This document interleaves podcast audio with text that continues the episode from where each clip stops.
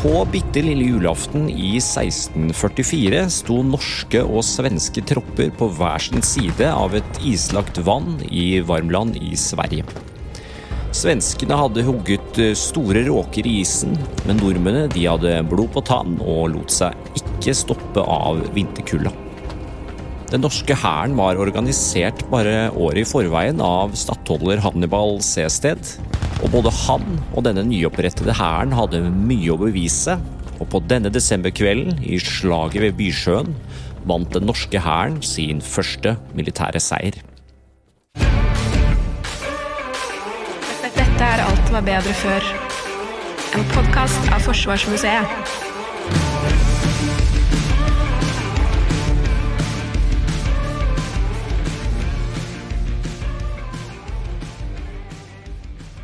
Yes, Velkommen til Alt var bedre før, eh, Terje Holm. Ja, takk, takk. Eh, du er jo en gammel ringrev her på eh, museet, men for de som ikke kjenner deg, hva er din bakgrunn fra Forsvaret og, og, og som historiker? Ja, jeg startet jo opp i 1970 på Heistadmoen, på Infanteriets befalsskole. Valgte det veldig bevisst. Jeg ville være fotsoldat. Og så tok jeg den, og eksersjerte soldater, i, spesielt i Garden. da. Eh, og så tenkte jeg skal jeg søke krigsskole eller ikke, og så ble det at jeg ikke gjorde det. Jeg gikk heller til universitetet og tok historie, arkeologi og sosiologi, veldig populære fag på tidlig 70-tall, og skrev en hovedoppgave i historie om utskrivning av soldater til den norske hæren basert på folketellingen av 1801. Og jeg var ferdig da i høsten, eller, eh, jo, høsten 1978. Og da åpnet jo museet her, og jeg tok med meg oppgaven og solgte meg inn. Og da hadde jeg ikke så mange konkurrenter som kanskje dere har i dag. Så jeg fikk da jobben med å være den som skulle bygge opp skoletjenesten ved museet.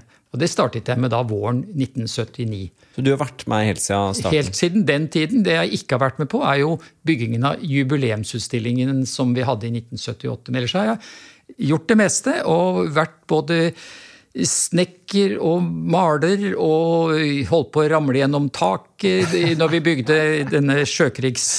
Altså modellen av konvoien. Og det var jo bare fem-seks timer før kronprinsen skulle komme og åpne utstillingen.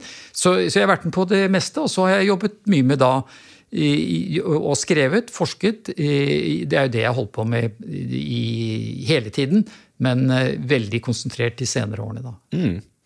Vi skal eh, ta for oss eh, Forsvaret på 1600-tallet, nærmere sagt eh, opprettelsen av den norske hæren i 1628. Men før vi skal gå på det, så må vi nesten se litt på utviklingen fram mot det. Hvorfor det var spesielt at hæren ble oppretta da. Så hvis vi går til 1500-tallet, da. Hva utgjorde liksom ryggraden i det dansk-norske forsvaret på 1500-tallet? Hvordan så det ut? Ja, altså Adelsfolket, eller adelsmennene, de hadde jo plikt til å holde en liten skare soldater som skulle bli en del av det hele. Eh, så hadde man noen stående styrker, eh, eller knekter, på festninger. Men ellers så hadde man ikke så mye. Det man hadde en idé om, var jo det som hadde vært i middelalder og skal vi si, sen vikingtid, altså Leidang. Så det var en form for krav til bønder om at de skulle stille. Men det kom jo det virkelige altså Endringen kommer kanskje i 1604, da det virkelig blir bestemt at eh, nå skal bøndene ha eh, våpen, og man skal også eh, ha så og så mange soldater, eller væpnede folk, da, fra de forskjellige stedene i Norge. Ikke Nordland og nordover, men det, det andre. Så da blir det delt i det. Men det blir ikke noen god system, at man eksersjerte. Og de var vel ikke så godt organisert annet enn i Fenline, altså en 200 mann i en, en gruppe, kan du si. Eh, men dette er jo den perioden hvor skal vi si, Det er noen som har kalt det militær revolusjon. Vi skal kanskje vokte oss for uttrykket revolusjon, for det er jo noe som skal skje ganske fort. Ja, det selger bra når vi bruker det begrepet. Det, det var Han som skrev dette her, eller lagde dette her i, på 1950-tallet, han skulle jo slå til, for det var vel hans, prøv, altså under, var vel hans prøveforelesning til doktorgraden. da. Men du kan si at det skjer ting på 1500-tallet. Da begynner man å gjenoppdage dette med at infanteristen, altså Man sier jo gjerne at middelalderen var ryttere, men infanteristen dukket da opp igjen med det som vi kaller pikinerer, altså folk med lange staker. Og det er vel spesielt sveitserne vi tenker på som hadde det. Og dermed kunne man med en forholdsvis liten utgift skaffe seg mange soldater. Og hvis de var sterke nok og kunne eksersere, så kunne man lage blokker opptil 3000-4000 av disse pikenerene, Og det er ikke så lett å stå imot eh, når ikke du har effektive skytevåpen. Så de begynte da å endre krigsbildet. Så du kan si at rytteri kanskje ikke fikk så mye å si lenger. Så var det dette at da ble veldig mange av soldatene relativt fattige.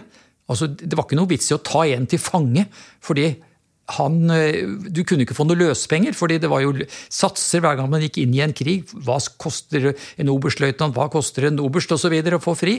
Så det var ikke noe sånn, så man kan kanskje si at det ble mer blodig. Så dukker jo skytevåpnene opp, kruttet. Og da plutselig kommer man det at hvis vi vil ha kanoner, så kan vi endelig ta disse adelsmennene, som jo sitter i disse altså vanskelig tilgjengelige borgene sine, med høye murer, og det var sånne stier for å komme opp og sånn. Men så plutselig så kan man jo skyte dette i filler. og, og, dermed så mister de som sitter med det, det som maktmiddel, de, de, mister jo det. når, kom, når kom kanonene? Altså, De er helt fra 1300-tallet, men altså, det må jo, vi har jo anholdt-kanonen her nede i første, som jo er en bakladerkanon eh, fra et skipsforlis nede i Danmark. så det, Den har vi fått som gave fra danskene.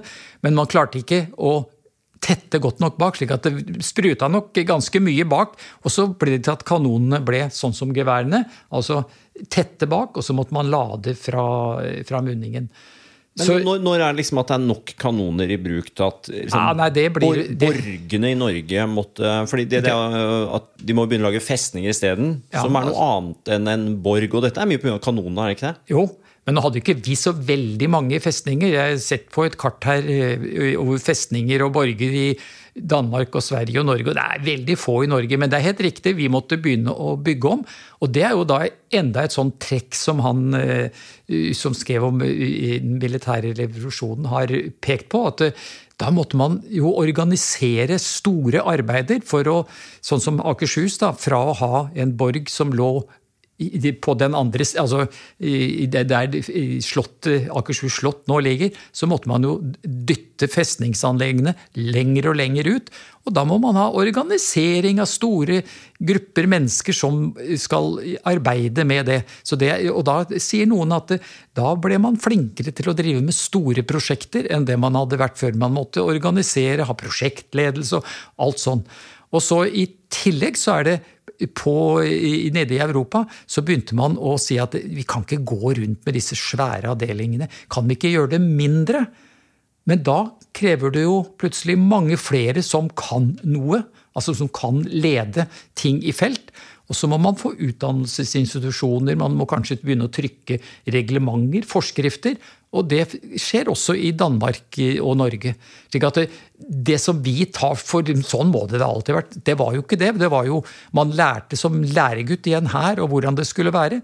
Men utover da på 1500-tallet, og spesielt 1600-tallet, så fikk man altså skrevne beskrivelser av hvordan dette kunne være. Og så kunne man sitte litt for seg sjøl og studere det. da. Så, og dermed så ble flere trukket inn i det, slik at det, liksom, det hele blir mer og mer komplisert. Da. Ja, for Da går man altså fra å ha ganske sånn store styrker med sånne eh, stakevåpen, ja. hvor det er fordelaktig å være mange og lage en svær enhet. Men idet man går mer og mer over til skytevåpen, så gikk det noen mening å stå 5000 mann ja. sammen med børser, liksom? Nei, Man hadde jo skytevåpen også med disse som hadde staker, men der var det vel sånn at skytterne var mer bare beskyttelse for de med staker. Og så bytter jo dette egentlig om etter hvert. da. At det, er de med skytevåpen som er viktige, og at det er om å gjøre å få flest mulig fram i i, i, linja, at, og at de derfra kan treffe motstanderen. Men så lenge våpnene er vanskelige, altså, altså fåtallige, og så lenge du har kompliserte ladeteknikker, så må du jo skal vi si, lage en taktikk som passer til det. Det må vi jo for så vidt i dag også. Er, altså, det jo, er jo avhengig av våpnene, taktikken. Men det, det, er så tydelig å se det i, i gamle dager. Da, da vet vi både problemet og svaret. Vi vet, ser bare kanskje problemet i våre dager og vet ikke helt svaret bestandig. Men det som var for å få utnytta våpen, det var jo å i, i, altså, Du trengte kanskje et par minutter på å lade. Og da må man tenke at hvis jeg har 500 mann og jeg skyter med alle de, så er det to minutter hvor fienden kan storme mot meg uten at jeg kan gjøre så veldig mye imot det. Og så begynte man systemet hvor man sto i mange skyttergeledd bak hverandre og hadde såkalt karkolering, hvor da første geledd skjøt og begynte så å marsjere, brøt av to ganger til høyre og marsjerte ned gjennom avdelingen, mens avdelingen marsjerte opp igjen hvis de skulle stå på samme sted som de hadde stått, med geledd nummer to, som så eh, eh, skjøt. Og så begynte de å marsjere bakover, og med en gang første geledd kom bakerst, så begynte jo de å lade. Og dette burde jo være så godt drillet at når førstegeledd igjen sto som førstegeledd, så burde de være klare til å skyte. Og Dette begynner man med på 1600-tallet? Ja, ja det, de begynner vel allerede på 1500-tallet. Men dette måtte man jo perfeksjonere seg i. Men så var det noen nasjoner, som som svenskene, som syntes at det blanke våpen og kraften i det å gå på, at det var like greit å, å bruke. Og de, de, trodde jo på det lenge. Og det var selv på 1700-tallet diskusjon hva er best av de blanke våpen og skal vi si, motet til å storme eller det å, i, å, å, satse på våpen. Så jeg tror det er en russer som sa noe sånt som at krutt er bra, men eh, det, det er eh, liksom sverdet som er mann for sin hatt, liksom. da.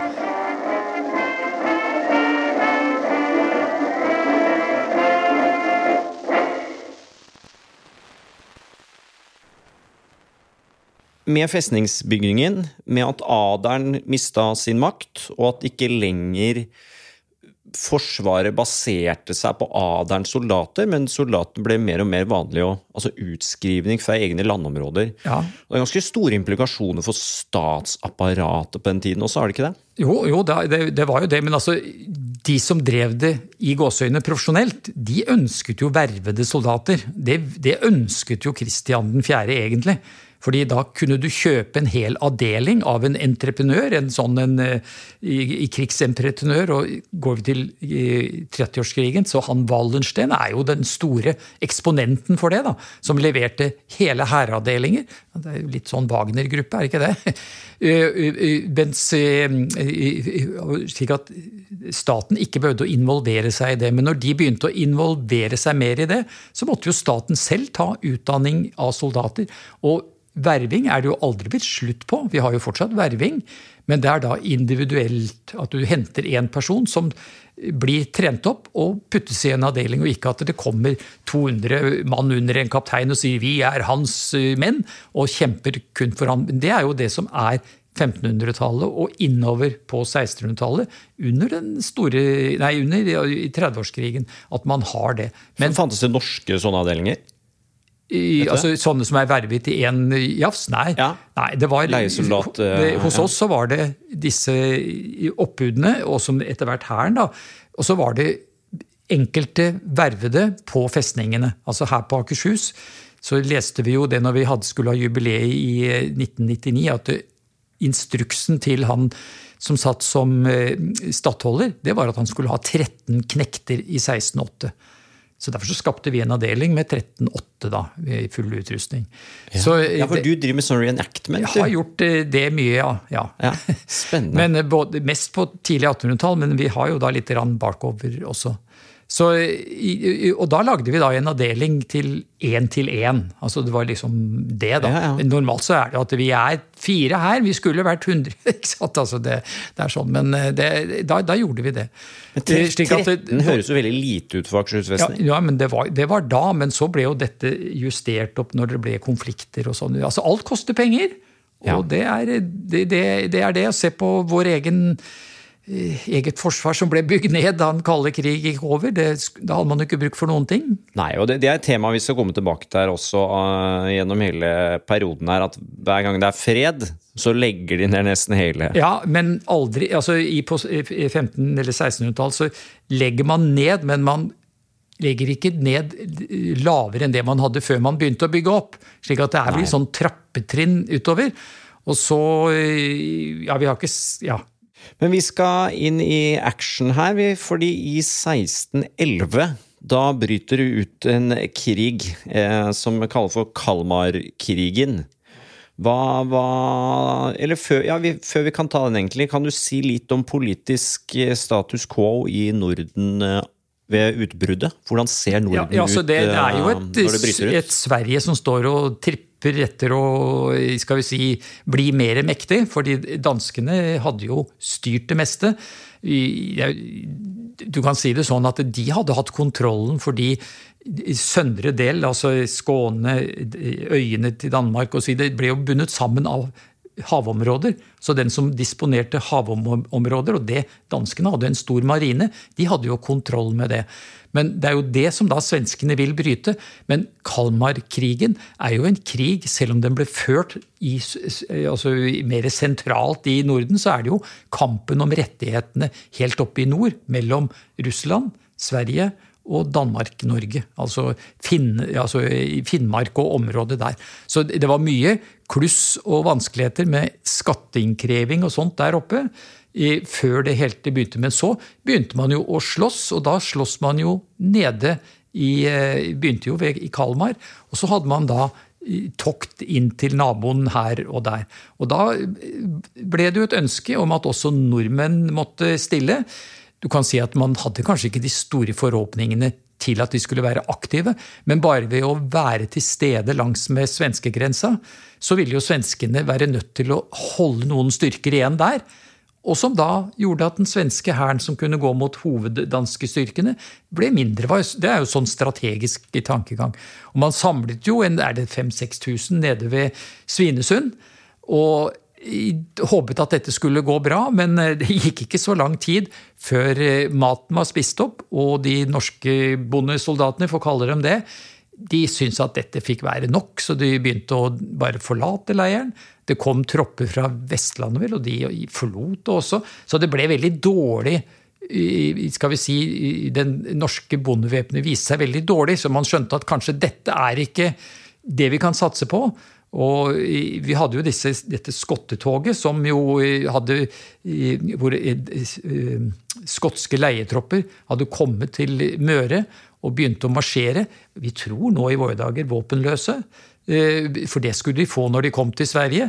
Men de ble jo da stoppet av et oppbud ved Kringen i Gudbrandsdalen. Og det er jo et sånn sagnomsust ja, eh, trefning som jo vi snakker Eller det ble snakket mye om, spesielt før selvfølgelig 1940. Må huske på at militærhistorie i Norge var veldig sentrert om det, og, og krigene i store nordiske og 1808-1814.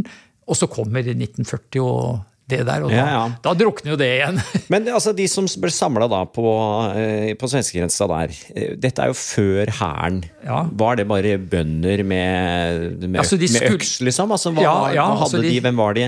Altså, de skulle jo ha en viss mengde våpen, og de hadde jo hatt våpenting hvor de ble inspisert, og det var jo reglementer som fortalte at du får ikke lov å låne ut våpen til deg der du skal selv ha det. Men så mye tid til eksersis, det tror jeg ikke det var. Og eksersisen vil allikevel da være å stå i en flokk og på en måte true en, en motstander. Da. Fordi vi tenker jo ikke så mye på det, men det skal jo noe til å stå på et åpent jorde, og det kommer noen mot deg med onde hensikter. så så er jo moralen viktig, da. At du, du, holder ut. Og det er jo ikke sikkert hvis ikke du har tro på det du skal slåss om, så kan det hende du heller syns det er bedre å trekke seg litt tilbake. Så egentlig Kalmar-krigen blir jo ikke noe sånn sett fra norsk side, men allikevel så kommer Danmark-Norge heldig ut av den. Og får beholde det de har. fordi det er muligens at Gustav Adolf, eh, hadde da, som hadde overtatt far, Det var jo faren som begynte krigen, men Gustav Adolf eh, overtok det etter en stund. Kanskje han så andre mål. Og så går vi da ut på 1610-1620, hvor det Jo, begynte å trekke opp til krig nede i, på, i kontinentet. Ja, men altså, bare spør om det, Hvorfor ja. var de så opptatt av eh, Finnmark, egentlig? Hva i all verden de skulle med det på 1600? liksom? Ja, men Det er skattlegging, og det kan jo ha vært fiske der oppe.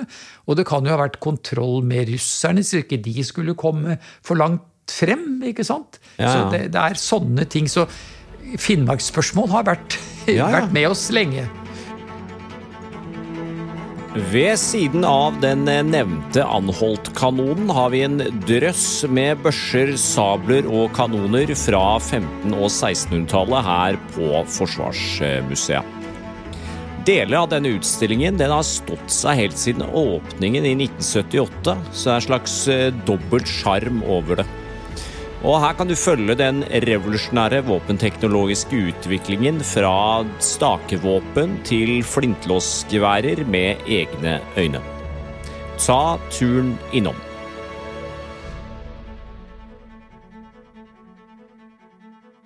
Ja, men ikke sant, vi har jo da sett nå i Kalmarkrigen så prøvde de å samle en slags norsk folkehær det gikk ikke bra. Nei. Det var, eh, jeg tror vel det var en sånn to tredjedeler av alle som møtte opp på Svinesund, forlot uh, området. Og det var Behovet for militærreform var ja, var, det, det, men, åpenbart. Men, men, så, kom jo, så var det ikke noe behov en stund. Men Nei. så kom jo 30-årskrigen, som jo egentlig er en, en konflikttid som går over 30 år, med mange faser.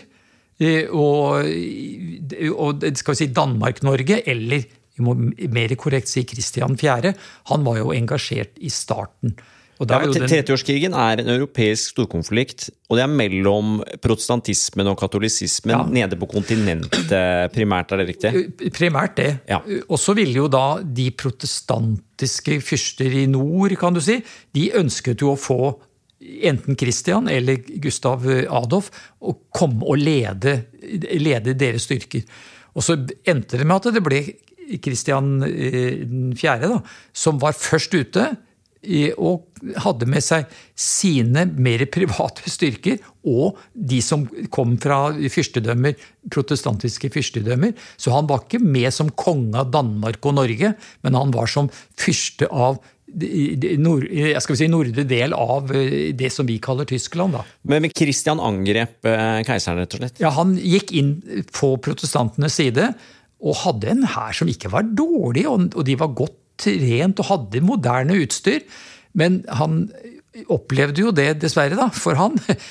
I Hamlen, der hvor du hadde han rottefangeren tidligere, så skulle han inspisere avdelingene og red på sin stolte ganger da, over en trebro. Og så skled hesten, og dermed ramlet hest og rytter ned. Og Christian ble slått bevisstløs og lå bevisstløs ganske lenge. Og det, Noen vil da si at det, det, var det tidspunktet som da gikk tapt, da han var bevisstløs, hvor han kunne kanskje ha gjort noe. Og når han kommer på beina igjen, og så de går til et slag som blir kalt Lutterambarenberget, så taper altså skal vi si, protestantenes side ganske mye. Og de blir drevet vekk. Og Wallensteins tropper rykker jo inn, på, inn i Jylland også, altså i krysset der. Og danske adelsfolk de reiser, drar jo til, til Norge, og det er kaos. Og Kristian vil allikevel fortsette krigen. Og så ønsker han at da må vi skattlegge Norge mere slik at han kan verve flere. Men så er ikke alle, for han er jo avhengig av adelen gjennom riksrådet til å styre. For det er jo de som hadde valgt han til konge. Og så går han med på at ja vel, da får vi skrive ut en styrke i Norge, og så setter de opp et liste over at de skal ha sånn så mange regimenter, så så mange Fenline. Og og, og i rekrutteringen skal være at fire såkalte fullgårder skal gå sammen og stille én soldat. Fire fullgårder, eller åtte halvgårder, eller 16 ødegårder, er det vel sagt. Og da eh, kommer altså her nå, da er det vel 6200 de skal skrive ut i Sør-Norge, til og med Trøndelag. Og ikke noe mer i første Ja, omgang. nå er vi altså da i Det- Nå er du i 1628. 1628, så kommer jo dette opp Ja, til Norge. som hæren regnes, regner som Regner som- sin ja. start. Ja, og de eh, rekrutterer jo offiserer utenifra og sånn, slik at det, det, det skjer noe i 1628 og 29, og de har sikkert litt eksersis eh, også, men i 1629 så må Christian gi opp. Han må trekke seg ut av eh, 30-årskrigen. Han får gode betingelser, selv om han er grundig slått, fordi høyst sannsynlig den andre siden ser at å, å, nå må vi la han komme ut med æren i behold, for nå ser det ut som han i Sverige har lyst til å komme, han Gustav. Og det er dumt om de to slår seg sammen. Så dermed så slipper jo Danmark, eller altså Christian, lettere ut, og slipper å avstå så mye. Troppene fra Wallenstein trekker seg ut av Jylland, og de kommer tilbake til status quo og kan ta det med ro. Og så blir det svenskene, som jo herjer i eh, Europa. eh, Og som, det er der de liksom legger grunnlaget for sin stormaktsstilling, som jo varer til 1720, er det ikke det vi pleier å si? Eh, og de vinner jo slag, men Gustav dør jo. Men andre, hans generaler, fortsetter jo å holde på nede i eh, Europa ganske lenge. Ja. Men det, så tenker jeg på det, altså den ubeskrivinga med hver fjerde fullgård og en soldat osv. Hvordan skilte det seg fra sånne tidligere leidangordninger som også hadde stilt folk? Hva, hva var nytt med det? Nei, altså, liksom? nå skal jeg si at jeg er vel ikke helt sånn inne i i Leidagen, men jeg har mer inntrykk av at der var man vel mest opptatt av at det landområdet, dere skal stille så og så mange skiv med så og så mange mann. Mens i legdsordningen, da ble det jo faktisk skrevet opp navnene. Avdelingene ble satt opp som en avdeling. De fikk en sjef som også skulle være sjef i fredstid. for det var jo det man også snakket mye om sånn på teoriplanet. Det hadde vel vært bedre å ha hatt faste avdelinger som alltid var der, og som var trent osv. Slik at det å ha stående styrker kom jo inn. Men vi hadde jo ikke råd til å ha stående styrker hele tiden. Derfor så ble det leggsordning.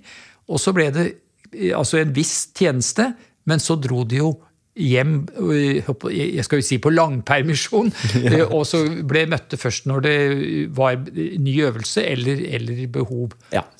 Og da ble det jo, De oppretter dette i, i 1628, og 1629 så sluttes det altså fred for Kristian 4. Og da, med en gang da så blir jo spørsmålet hva skal vi med den her i fredstid? ja, og det, det er det sikkert øh, dårlig med penger, slik at det da øh, hviler organisasjonen. Men den forsvinner nok ikke helt. Det blir nok øh, man, man vet hvem som skal møte, men de får ikke noe trening i fredstid. Så går det da nesten altså drøyt ti år da, før man igjen begynner å skjønne at dette kan vi ha bruk for igjen. Ja, fordi nå begynner man å bli altså Sverige er på fremmarsj. Ja. Gustav han er eh, ambisiøs, Ja. og man begynner å bli litt nervøs. Ja, men Han ble jo drept allerede i 1632, så det er hans etterfølgere, Torstensson og Oksonstjerne, som er jo militære og politikere, som styrer det. For i Sverige så sitter jo Kristina under formynders Å, ja, det er det som er det, ja. Ja. Ja. Men de to eh, tenker nok som eh, kongen hadde gjort.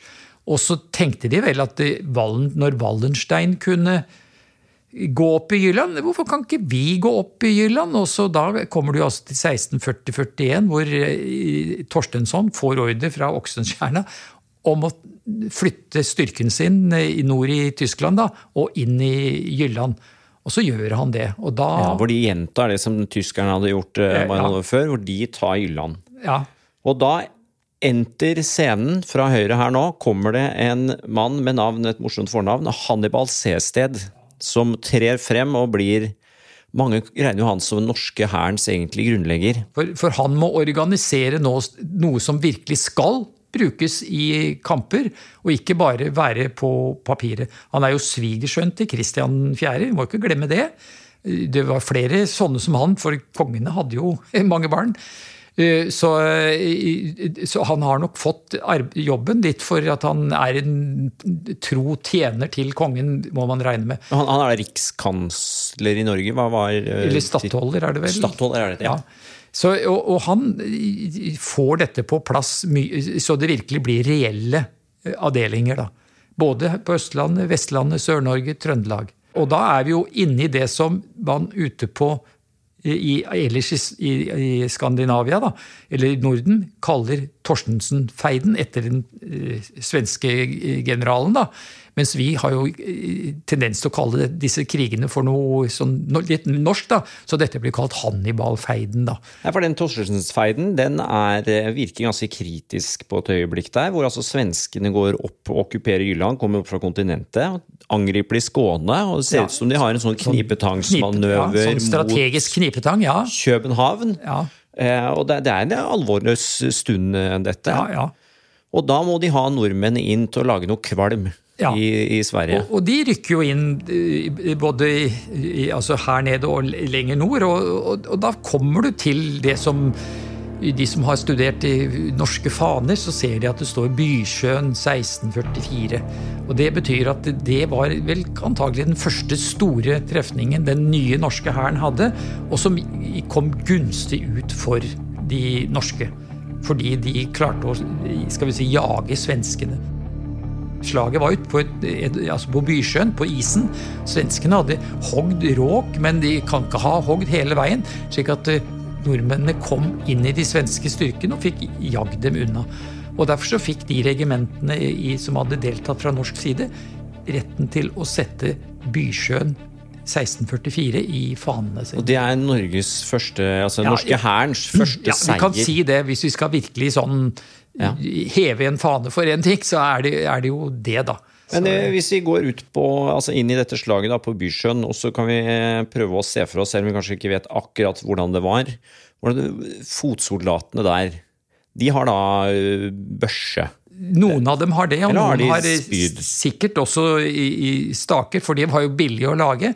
Og de kan ha hatt økser. Og så har de hatt seg selv, og de har hatt stemmen, og de har kanskje hatt antallet, altså at de er flere. Og det, det, det, er jo kaldt, da. Det er jo is På, desember er det, er jo, det, er jo is på der, så da kan det være sånne faktorer som også kan komme inn, da. Ja. Du, du, du, blir ikke helt god hvis du er kald. Og så vil ofte moralen knekke hos den parten som føler seg underlegen, ja. hvis det blir snakk om storm, da. Men svenskene, særlig her i, i, i andre halvdel av 1600 og litt ut på 1700, er jo kanskje en av de fremste militærstrategiske aktørene i, i Europa. Altså, det er noen som har sagt at det er svenskene som lærte tyskerne disiplin, blant annet. Ja, altså nå er vi jo over på mer 1700-tall, men altså Svenskene var veldig dyktige taktiske, men jeg vil jo si det som skjer Nå er vi 50 år senere, da, altså ved store nordiske krig. Det Karl 12. driver med, er jo ikke god strategi. Altså Han utfordrer jo svære nasjoner og tråkker og går og går og tråkker. Men de gjør det veldig bra under slag. Og, og, og de satser jo på kraften. Altså Rytterne skal ikke ri på linje, men heller ha en spiss og eh, altså ikke stigbøyle ved stigbøyle, men stigbøyle bak stigbøyle. Og så skal de bruke kraften eh, mer enn eh, en skudd. Da. Slik at de holder jo på stakevåpnene, pikene, mye lenger enn veldig mange andre. Og de gjør det? Ja. Det, det, og, og det, da får man et renommé også. Når de kommer med det da altså Napoleon han hadde jo den gamle garde som han jo ikke brukte i starten av sine store slag. De satt og spiste og koste seg i bakgrunnen, men når han følte at nå er det kanskje tiden, så kom de, og så angrep de og slo eh, altså fienden, da. Og det er klart, dette er psykologiske ting som soldater ved neste slag visste om. Og når, når du ser den gamle garde med høye bjørneskinnsluer, når de kommer Oi, oi, da er det kanskje vært gått galt noen steder som ikke vi ser, men som andre, andre steder ser, osv. Men Var det mye flankemanøver og ja, sånt, eller var det ganske sånn stillestående Nei, altså Det å komme inn fra flanken, det, det har alltid vært eh, viktig. Eh, og Nå er vi altså framme til der hvor du har gode reglementer, og jeg har lest mye i de.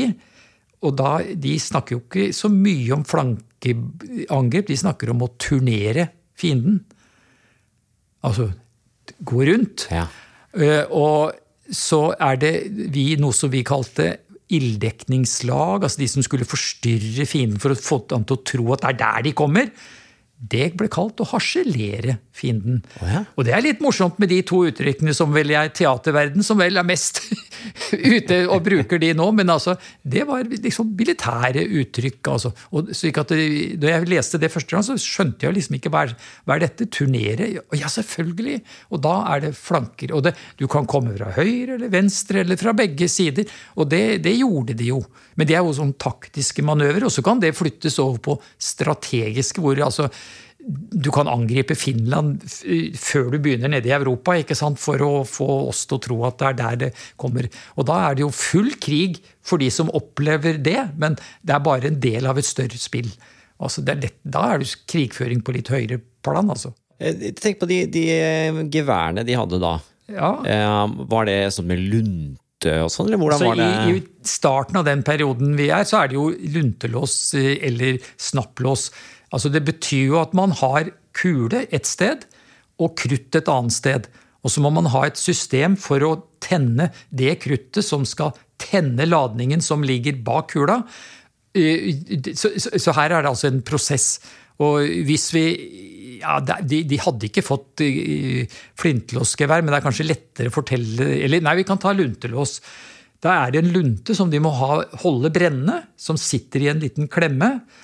Og så må man da fylle kule, nei, krutt og kule inn fra munningen og dytte det på plass med en ladestokk. Så må man ha et lite um, ildpann, som det heter. Der må man ha litt krutt, gjerne litt finere krutt. Og så må man sikte, og da kan du si sikte med luntelås er ikke så lett. Den er veldig tung, så de hadde en gaffel som de kunne legge den på. Og hvis de satte den i maveregionen, så ble det det vi kalte i sikt, altså i, i, sånn, i, sikte ved å se på der man skulle skyte, så vil du uvilkårlig rette sånn noenlunde inn. Og så klemmer man på avtrekkeren, for det var gjerne en sånn en bøyle under. Så kommer den med krutt med brennende lunte ned i kruttet. Bom! Så går skuddet. Og så var det å begynne å lade igjen. Og det, jeg tror på 1600-tallet det er ut, Vi har en bok her på biblioteket, jeg tror det er 32 takter eller sånt nå, for å gjøre det. Dette ble jo da det man jobbet med og trente med, og ble mer og mer perfeksjonister i det fremover mot napoleonstiden. da. Har du skutt med sånn gevær selv? Ja, det, ja. Ja. Det, og det drives jo mye skyting på, i svartkruttmiljøet i Norge. Hvor de skyter både norgesmesterskap og verdensmesterskap med svartkrutt. Så Det er, det er et miljø, altså. Det, det er et miljø, ja. det, ja. Men i sånn reenactment så er det jo løsammunisjon. Man skyter bare så det blir salutering, da. Det Ja. ville være litt dumt å Ja, ja,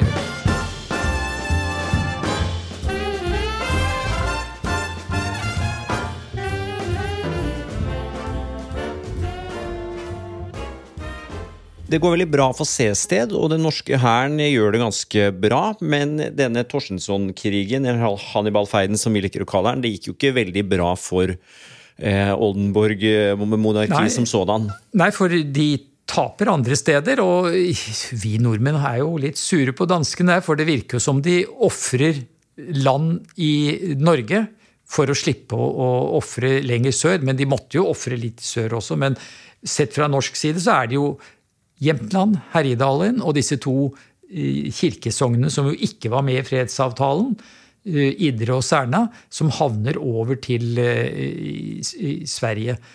Og dette er jo freden i Brømsebro i 1645. Men vi må ikke glemme at Jämtland og Herjedalen var ikke sånn urnorsk på en måte. Det, de lå jo kirkemessig under Uppsala, under Sverige. Ja, og de hadde vært under svenskene i en periode. Det er ikke som Båhuslen, som vi jo tapte noe senere. Det var virkelig gammelt norsk land. Det var det, Men, ja, ja, for den hadde vært fra, Vik, altså fra Arilds tid, for å si det sånn. Så Båhuslendingene har vært i lengre tid eh, norske enn enn det de har vært svenske. Men eh, det, det har vi gitt opp. Men vi, altså, Jämtland og Herjedalen har blitt liksom mer sånn kampord i Jo, det, Norge. det er veldig kjent, det er mange som har hørt Ja, om det. ja. da, det var, det var da vi tapte det. Det var i Det, det, I 1645. I, Det er svære landområder. Det er, men det er mest skog, da. Så det, det, det, og med svensk eh, eh, politikk så har, har ikke de vært like begeistret for det. For de har jo sett litt til Norge, at Norge har tenkt litt annerledes. Ja, jeg har hatt mer aktiv distriktspolitikk i Norge ja, enn i, Sverige. Hvis du ser Jämtland Herjedalen, så går jo det nesten helt ned til Østersjøen.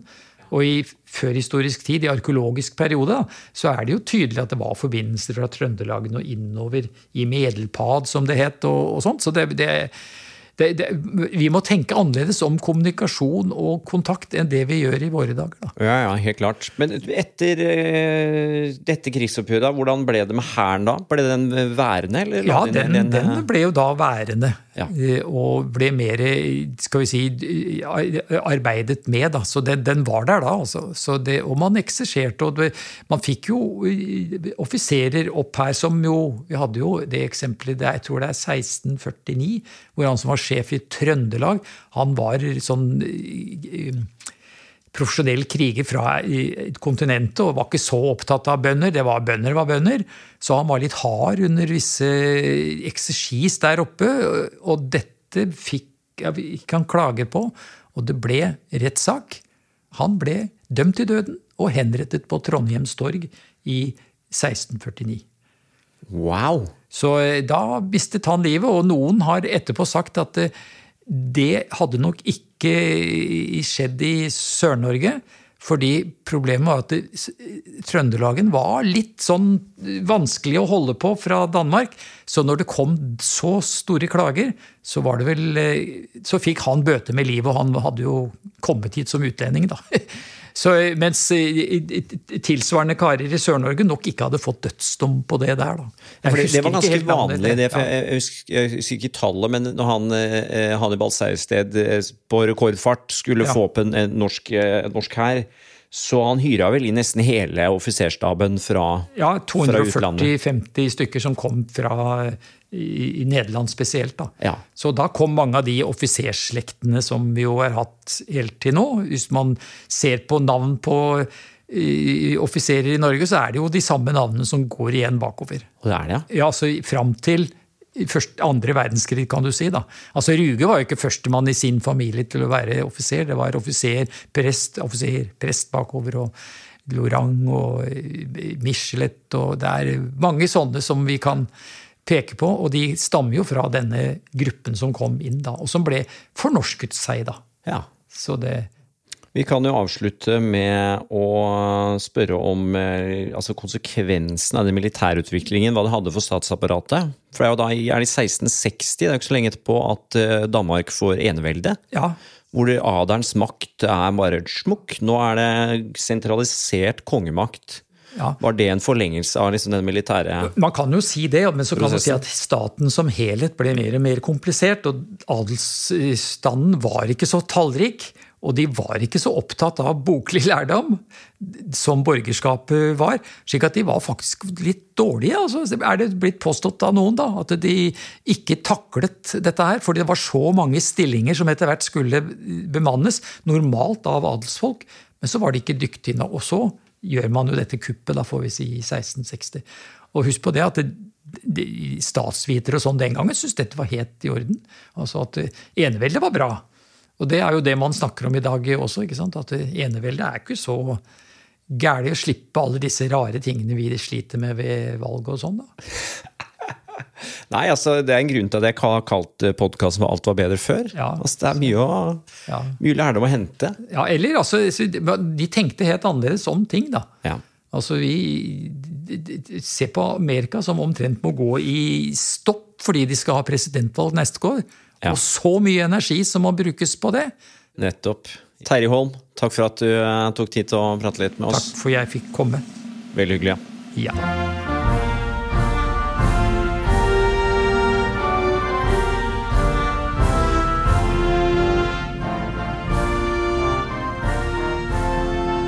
Amerikanske nasjonalsangen her, altså. Vi ønsker dem lykke til i nok en eh, kaotisk eh, valgkamp. Vi er tilbake neste mandag, hvor vi får besøk av Torbjørn Røe Isaksen her i studio for å drøfte om vi befinner oss i en ny kald krig. Vi høres neste uke.